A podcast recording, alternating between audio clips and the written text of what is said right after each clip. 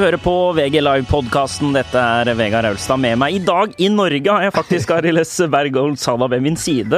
Endelig ser jeg deg her på ekte utenom FaceTime. Ja, jeg er, som de der, jeg er som de fotballspillerne som ikke har blitt tatt ut på landslaget. Som kan komme hjem på ferie og bare slappe av uh, i landslagspausene. Deilig, ja. Så har vi sportssjefen vår Øyvind Brenne med i dag, siden Kristine er en tur i Bergen på kvinnelandskamp. Skikkelig reserveløsning. Ja, det er det, ja. fra fra podkasten Brenne og bordet'?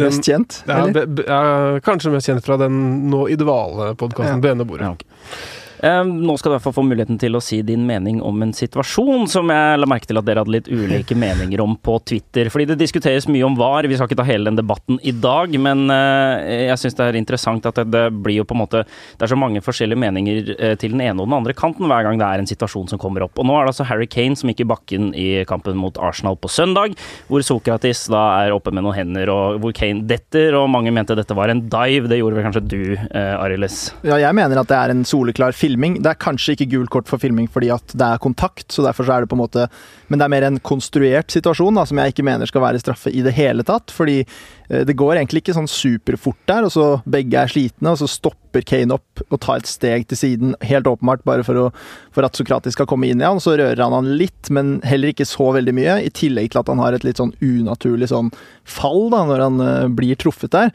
Så jeg mener at det er uh, at det aldri skulle vært straffe, og var veldig fornøyd med at VAR ikke grep inn der. Og, og syns dommeren gjorde det helt korrekt ved å ikke dømme straffe.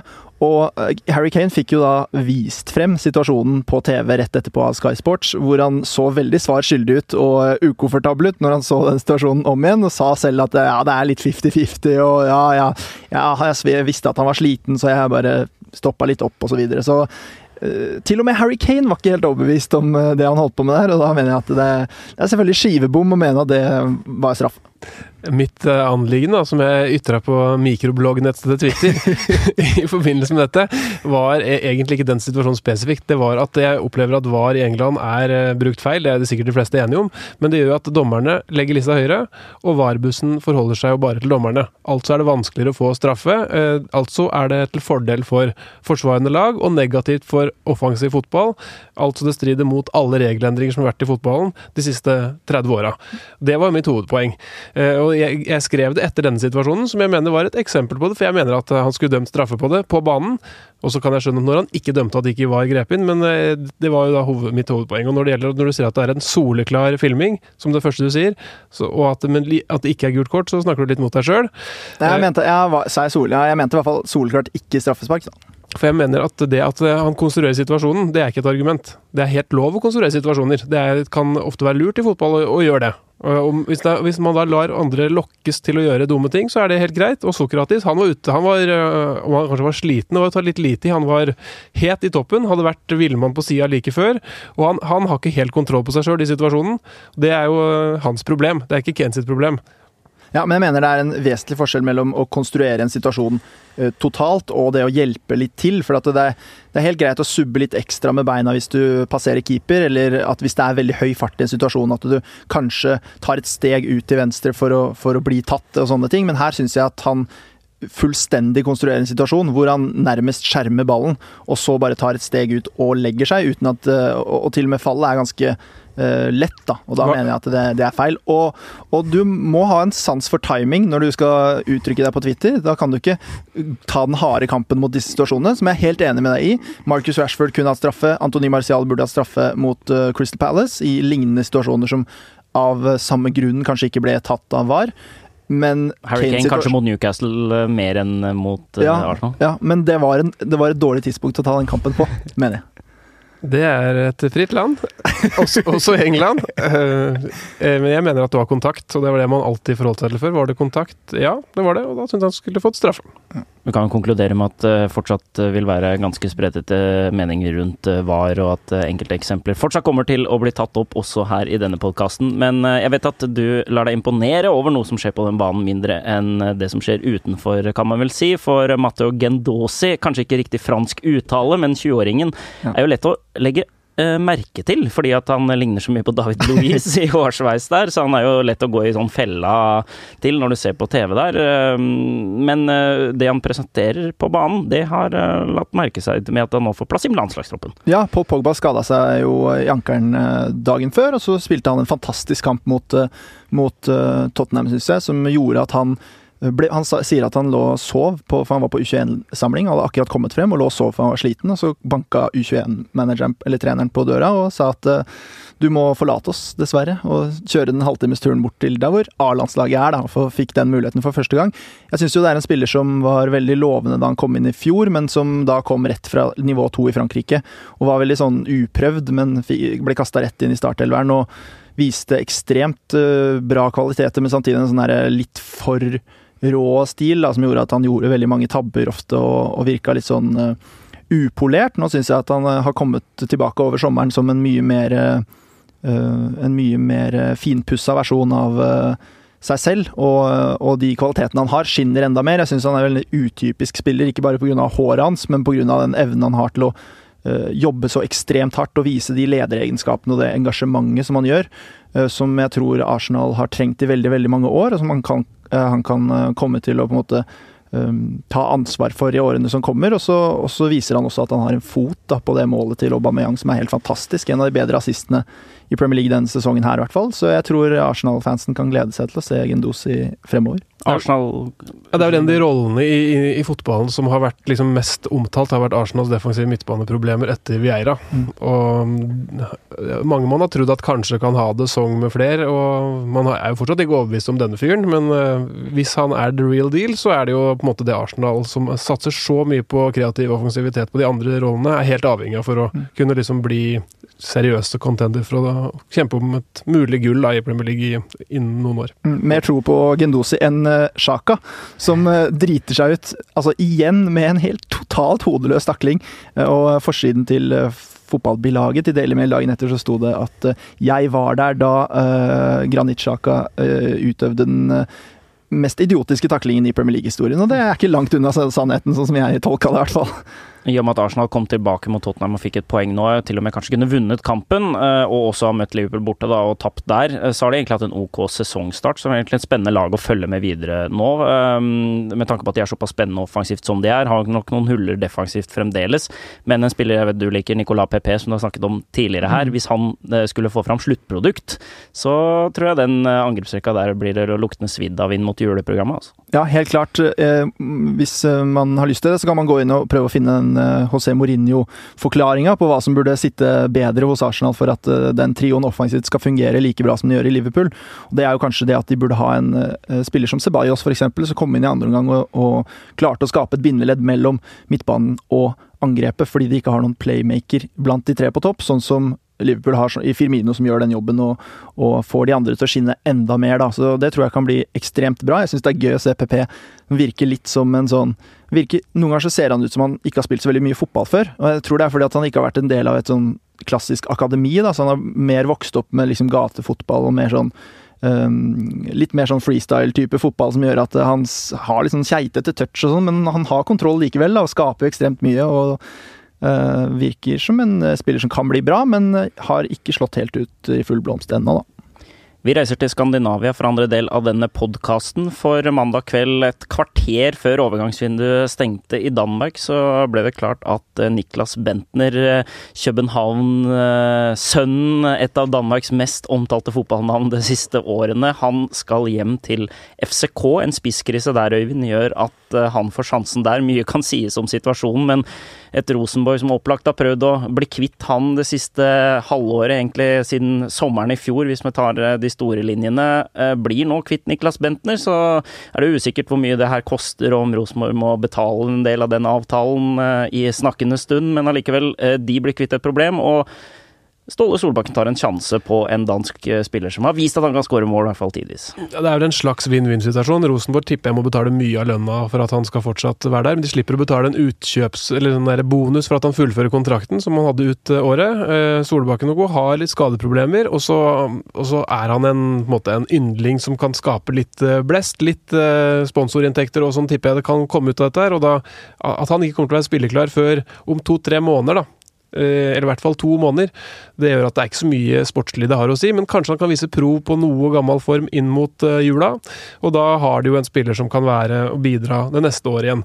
Er, altså, overgangen er stor på mange måter, men for Ståle Solbakken så er dette en, er en løsning langt ned på arket, bare for å ha en backup, tror jeg. Og så kan det ligge noe i andre sida av en, en regnbuen, og det, det koster dem ikke så mye en flying start på Rosenborg-karrieren med å bli toppskårer i Eliteserien den første sesongen, men siden har det gått litt nedover der. Og en rar situasjon nå det siste året hvor Niklas Bentner har sittet på tribunen, hvor Rosenborg da spesielt i innledningen på sesongen sleit med å skåre mål. Ja, jeg vet ikke helt åssen jeg skal eh, oppsummere den, den trøndertiden til Bentner, fordi da han kom så forventa jeg jo egentlig veldig lite. Jeg vet ikke med dere, men, men, jeg tenkte jo liksom ja, ja, dette kan jo bli veldig bra, men samtidig så hadde jeg jo ikke egentlig så veldig troa på det, med tanke på den fortiden han hadde og kom liksom fra Nottingham Forest vel og hadde ikke levert noe der, hadde ikke levert noe på veldig mange år. Så det første året hans var jo en suksess, selv om han sleit i starten. Og sånn sett så kan du jo si at uh, jeg tror det er mange som ikke hadde forventet at han skulle ende opp med en toppskårertittel, f.eks. Mm.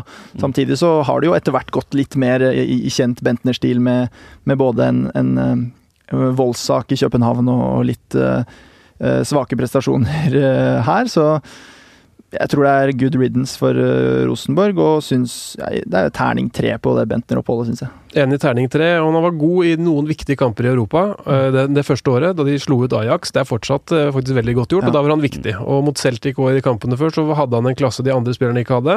Og så må vi ikke glemme at han var svak hele fjorårssesongen. Tror han mm. skåra fire mål. Det er lite som spiss på Rosenborg. Man mente jo i gamle dager at enhver ville skåret ti på Rosenborg ikke sant, som spiss, og i år så har han vært eh, to-tre kamper innpå, og så ble han jo og slett sett på som så dårlig for gruppa og for laget at han ikke kunne få lov å være med å trene engang. Mm. Så det har en fryktelig nedadgående pil.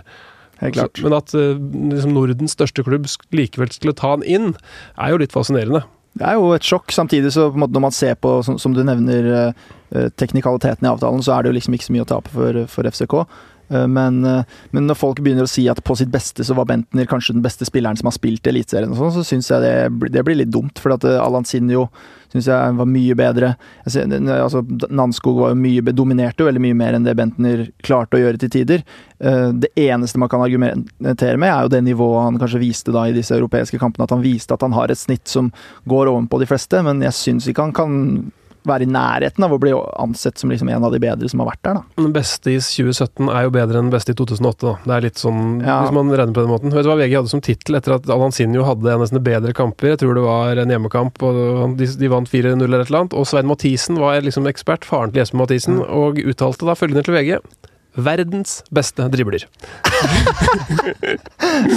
og det, vi snakker at Ronaldo var på topp på tidspunktet, eksempelvis, da. Men eh, ja, sto for det. Det var, det var, lista som ble lagt den gangen. Og så senere gikk han til Tyrkia, og vi har vel ikke hørt altfor mye fra han etter det. Nei, han kom vel tilbake på, til Stabæk for et par år siden. Ja. ja. Niklas Bentner har heller ikke klart å se ut som verdens beste spiller uh, i Eliteserien heller, sammenlignet med dem. Vi takker Niklas for alt han ga norsk media på den tiden han var her. Det blir ikke noe FCK-møte for eh, Rosenborg i Europaligaen. De skal rett over eh, brua og spille mot Malmö. Det blir spennende for deres del. Eh, for vår del blir den store skandinaviske duellen denne høsten søndagens kamp mellom Sverige og Norge på Frins Arena. Det er stort.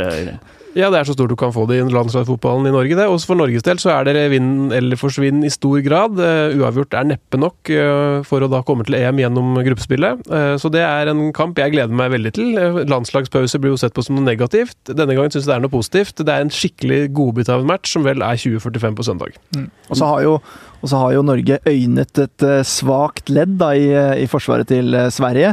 Man skulle jo ikke tro at det skulle komme hos en spiller som spiller i Manchester United, men Viktor Lindeløf har jo da blitt rett og slett knust i avgjørende dueller i to kamper på rad for Solskjærs lag. Både i, i, i, duellen før målet til Jordan Ayu hjemme mot Palace, og mot giganten Jannik Westergård mot Southampton. Og nå møter han da disse gigantiske spissgutta til Norge med Jeg så et bilde av Lars Lagerbäck som sto og hadde en prat med sine fire spisser på treningsfeltet her i dag. Med, med da Bjørn Mars Johnsen som er vel er 1,95, og Sørloth som er 1,93, og Braut Haaland som er 1,91, og lille Joshua King da med, med, som er en forholdsvis ålreit eh, kraftpakke på drøye 1,80, vel.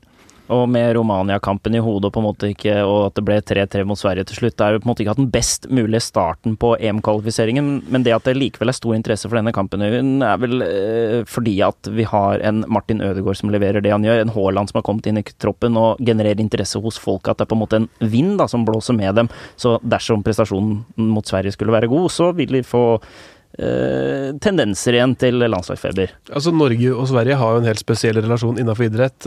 Mye i langrenn de siste åra, men eh, selvfølgelig. Skulle Norge slå Sverige i den kampen, da er man plutselig godt posisjonert for å gå til sitt første mesterskap på 20 år. Og det er med de kjæledeggene du nevner her, si at Haaland eller Ødegaard Holdt jeg på å si én Haaland eller én Ødegaard, men jeg skulle ikke gå i den skulderudfella. Eh, men det, det, har noe å si, det òg, at det er nye gutter som hele Norge er opptatt av. Så jeg tror det er en mulighet. Når du snakker om Lindeløf, så svakt punkt Jeg er enig at han har vært dårlig, men han hadde vært den klart beste midtstopperen i den norske troppen.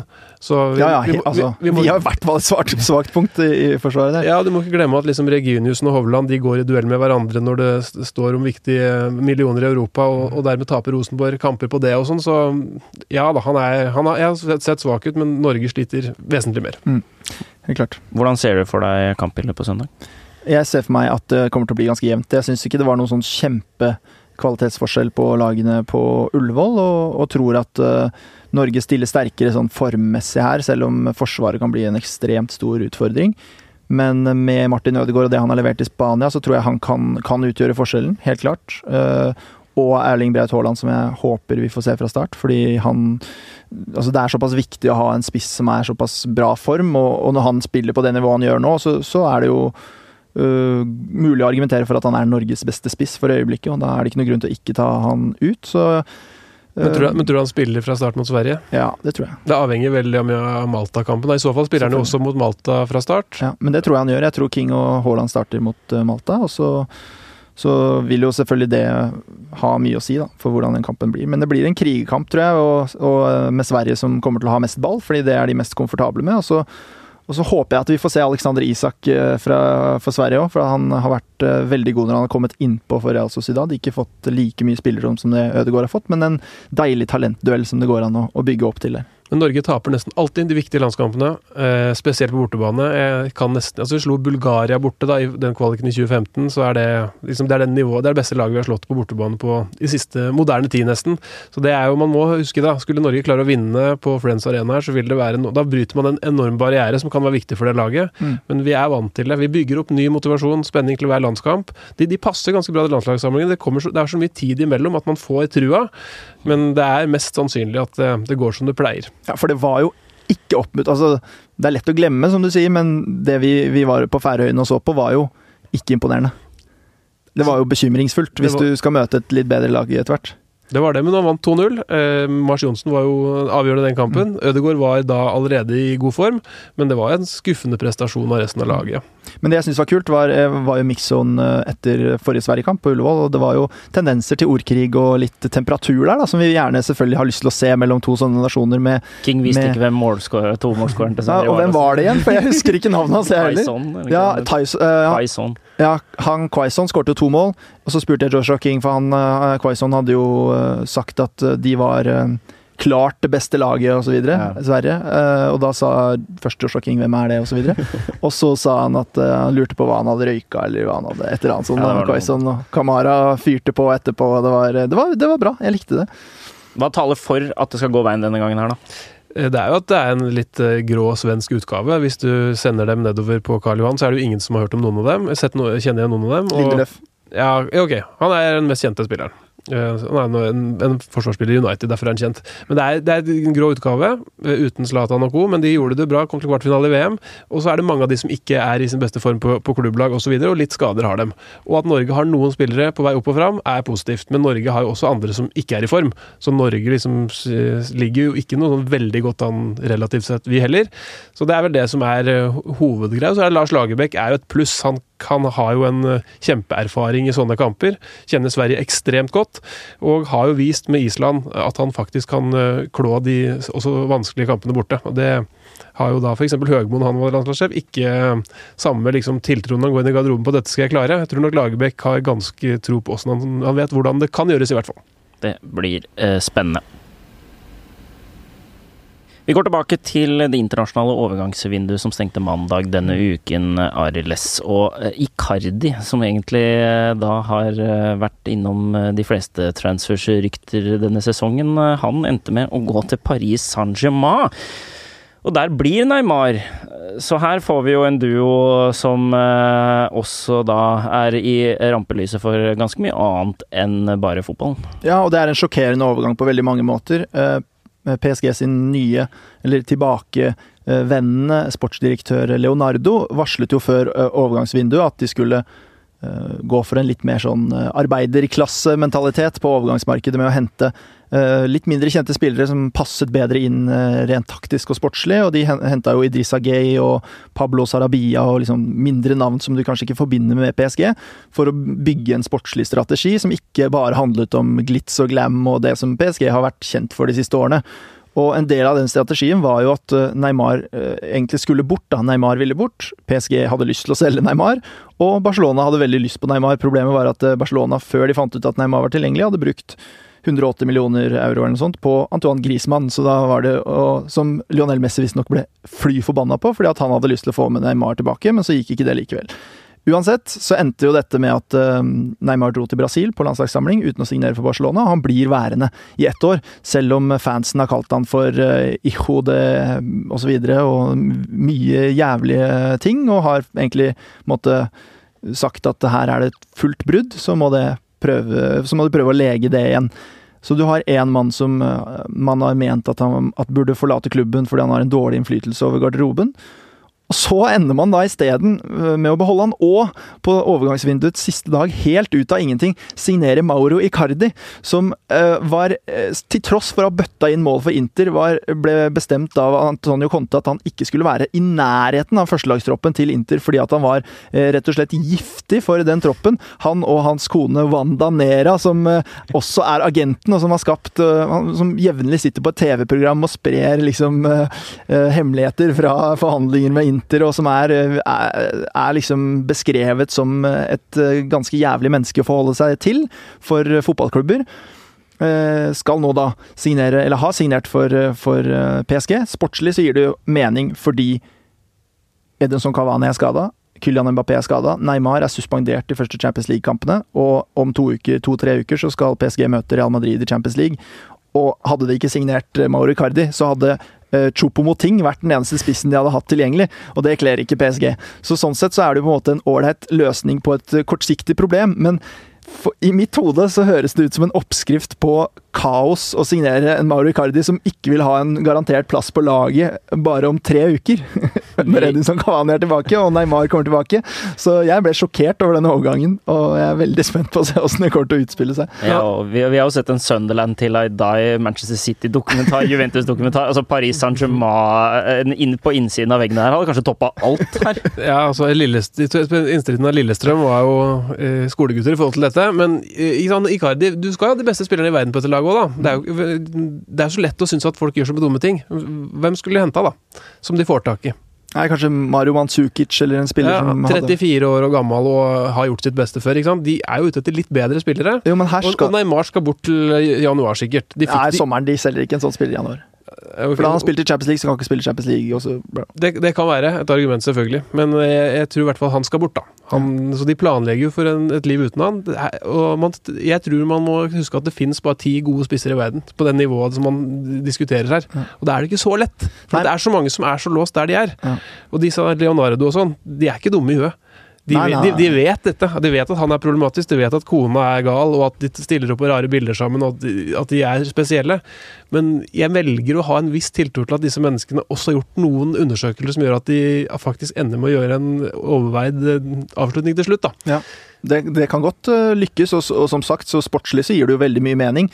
Jeg mener jo at de kanskje er topp åtte spisser i verden. da. Hvis du har uh, Suárez, Lewandowski uh, Uh, Aguero. Aguero, Cavani uh, Et par til. Så er det ikke så veldig mange igjen. Ronaldo og Messi. Ja, jo, jo, men da snakker du Ja, de er for så vidt spisser, de nå. Ja. Men det, det, er en topp ti-spiss da, i verden, vil jeg, vil jeg, si. Han har skåret over 15 mål i, i fire sesonger på rad. PSG da, de kan jo gjøre det bra i, i, i Frankrike i søvne. og det eneste som betyr noe, er å gjøre det bra i Champions League. Om det er helt fryktelig stemning der i juni til neste år, hvis de har vunnet Champions League, og det er full slåsskamp i garderoben, og folk er sure og, og sånn, det spiller ikke noen rolle for de eierne. De skal ha det trofeet. Da tror jeg de er villige til å kortsiktig prøve å få inn de gutta som trengs, når de nå har muligheten. Ja. Jeg, Det- det jeg tror, du tenker, tror du tenker mer sånn. Da. Jeg, jeg skjønner at de prøver å ha en langsiktig strategi, men når de ser på troppen og skjønner at, eh, hva, de må, hva som må til for å gå videre i Champions League, Mm. så handler de deretter. Så, eh, men etter den logi Og det, det er et godt poeng, det. Eh, men Ole Gunnar Solskjær i Manchester United har jo bygd en klubb nå, eller prøver å bygge en klubb eh, hvor han er totalt kynisk i sånne her tilfeller, og prøver å unngå akkurat denne typen situasjoner, som han gjorde med Paolo Dybala, eh, fordi at det ikke var noen full klaff mellom at spilleren hadde så lyst til å komme, og at det var eh, for høye krav. Så du mener at eh, Solskjær burde da ja. eh, kanskje hentet en sånn liksom nødløsning? He hele forskjellen er at Solskjær og co. Um, har jo en hel annen liga, ikke sant? så de, de vinner jo overhodet ikke Premier League i søvne. Det, det gjør jo da er jo behovet enda større for en Nei, men det gjør at PSG de, de har råd til å gutse. Mens Manchester United de må bygge. for eh, De nytter ikke for Manchester United å få eh, en liten oppsving nå. De må klare å bygge seg opp igjen på lang sikt. Jeg syns det Solskjær gjør, virker fornuftig. Eh, Så fremt han har backing fra styret om at det her kommer til å ta tid. Hvis han har sagt til styret at det kommer til å bli bra nå til jul, så, så sliter han veldig. Hvis han har fått de med på at nå skal vi bruke to år, bli kvitt det vi ikke trenger, bygge opp nytt og ungt, så, så handler han jo riktig. Bare for å ta en parentes der, så er det et veldig godt poeng det at, eh, at Ole Gunnar Solskjær får lov til å kvitte seg med, Alexis Sanchez når eh, det er så tynt i angrep. Det, er, eh, det kan være sett på som bekymringsfullt for fansen, men det er også et åpenbart tegn på stor tillit fra styret. For de hadde ikke latt han ta den risikoen hvis ikke han var stolt på som den mannen som, som skal lede det prosjektet på lang sikt. Da. Og Hvis jeg hadde vært Manchester United-supporter, så hadde jeg likt den måten Solskjær driver den klubben på, så mye bedre enn den måten Mourinho drev klubben på, hvor det var han om å hente inn navn, få de til å funke, og eh, at han skulle ha kortsiktig suksess. Men Solskjær setter jo faktisk klubben foran seg selv. Det er ikke så veldig mange i, i denne verden her som, som faktisk gjør det i dag. Og det, Han har sagt at han skal gjøre det, men han gjør det òg. Mm. Det er ganske tøft gjort. Det er det. Så får man heller tåle et uh, steintouch av Jesse Lingard uh, i tierrollen her en gang iblant. Men, uh, men mitt argument for eh, å ikke hente på Mauri Cardi er jo på en måte denne eh, strategien til PSG som har gått over så mange år, hvor man eh, gang etter gang etter gang har brent seg på dette da, og røket når man faktisk skal, og derfor uh, egentlig har varslet at man skulle endre fokus, men velger å gå tilbake til det på overgangsvinduets siste dag. Da. Så det, det gjør at jeg kanskje ikke er helt overbevist om at dette er eh, riktig for dem. Da. Noen av disse gærningene er helt fantastiske i starten. Mm. Det er sånn mennesketypen det kan være. da. Eh, Mourinho er en sånn mennesketype. Han er jo helt håpløs etter tre år. Men i, han er verdens beste mann første ukene. Mm. Det er mulig at de rett og slett har tenkt at nå, nå sliter vi så fatalt at uh, vi, vi må bare ta det problemet om et år. For at, uh, risikoen er at vi nå kommer til å dumme oss ut, da. Uh, F.eks. i Champions League, og ikke gå videre i gruppespillet. Mm. Vi, vi, jeg må nevne en ting til når vi snakker om PSG. Ja. Jeg er nødt til å gjøre det. Har du noe på hjertet om fransk fotball? ja, men jeg må faktisk gjøre det, fordi, eh, fordi det er veldig morsomt. Og mm, fordi PSG gjorde jo veldig mye på siste overgangsvinduets dag. Henta også Keylor Navas. Og sendte en annen spiss uh, bort. Mm. José Rodriguez ble sendt til Sporting i Portugal. Men da Skal man til PSG Rosenborg, da? Ja, men da PSG Ja, han skal spille møte Rosenborg, Mm. men da PSG eh, la ut pressemeldingen om denne overgangen, så skrev de overskrift eh, til Sporting, og så sto det i teksten at han skulle til Celta Vigo, men også at det var en portugisisk klubb. Så her har det vært litt usikkerhet, men én ting var sikkert, de skulle kvitte seg med José Rodriguez. Det var i forhandling med flere der, da, tydeligvis. Avslutningsvis eh, vet jeg at du og både meg vil komme med en liten TV-anbefaling her. For eh, hvis man eh, bruker veldig mye av lørdagen sin på Premier League, eller av ulike årsaker ikke har tid til å se på det, og trenger noe fotball å se på kvelden, så må du, om du ikke er så interessert i italiensk fotball, virkelig få på TV-skjermen. Altså. For hvis du tar Napoli, for eksempel, da. Etter de to første seriekampene så har de 7-7 i målforskjell. Mot Fiorentina sist helg i Firenze så vant de 4-3, og så kommer en kamp mot Juventus, hvor Juventus som vanlig da, tar brodden og ødelegger for motstanderlagene og leder 3-0. Så kommer jo Napoli tilbake, 3-3. Så klarer jo Kolibali å banke ballen i eget kryss på, helt på slutten. Så da vinner Juventus allikevel, da. Og, ja. Ja, For øvrig, i den kampen så møtes jo disse to kanskje mest ettertraktede midtstopperne på overgangsmarkedet, da Matheis de Ligt på Juventus og Kalidou Kolibali på Napoli, og leverer altså to helt grusomme kamper. Og viser jo at det kanskje var lurest å gå for Harry Maguire for Manchester United, da begge disse var jo, skal ha vært høyt på, på ønskelisten til Solskjær, men uh, leverer ikke helt uh, innledningsvis her, da. Siden jeg er her så sjelden, kan jeg bare si en ting om midtstoppere. Mm. Den nye malen for alt er van Dijk. Ja. Det syns jeg er så håpløst.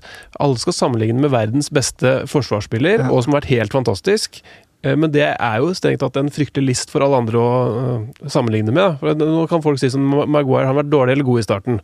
Jeg vil si at han har vært OK. Mm. Eh, men jeg syns ikke å sammenligne han med uh, van Dijk er den eneste liksom, relevante.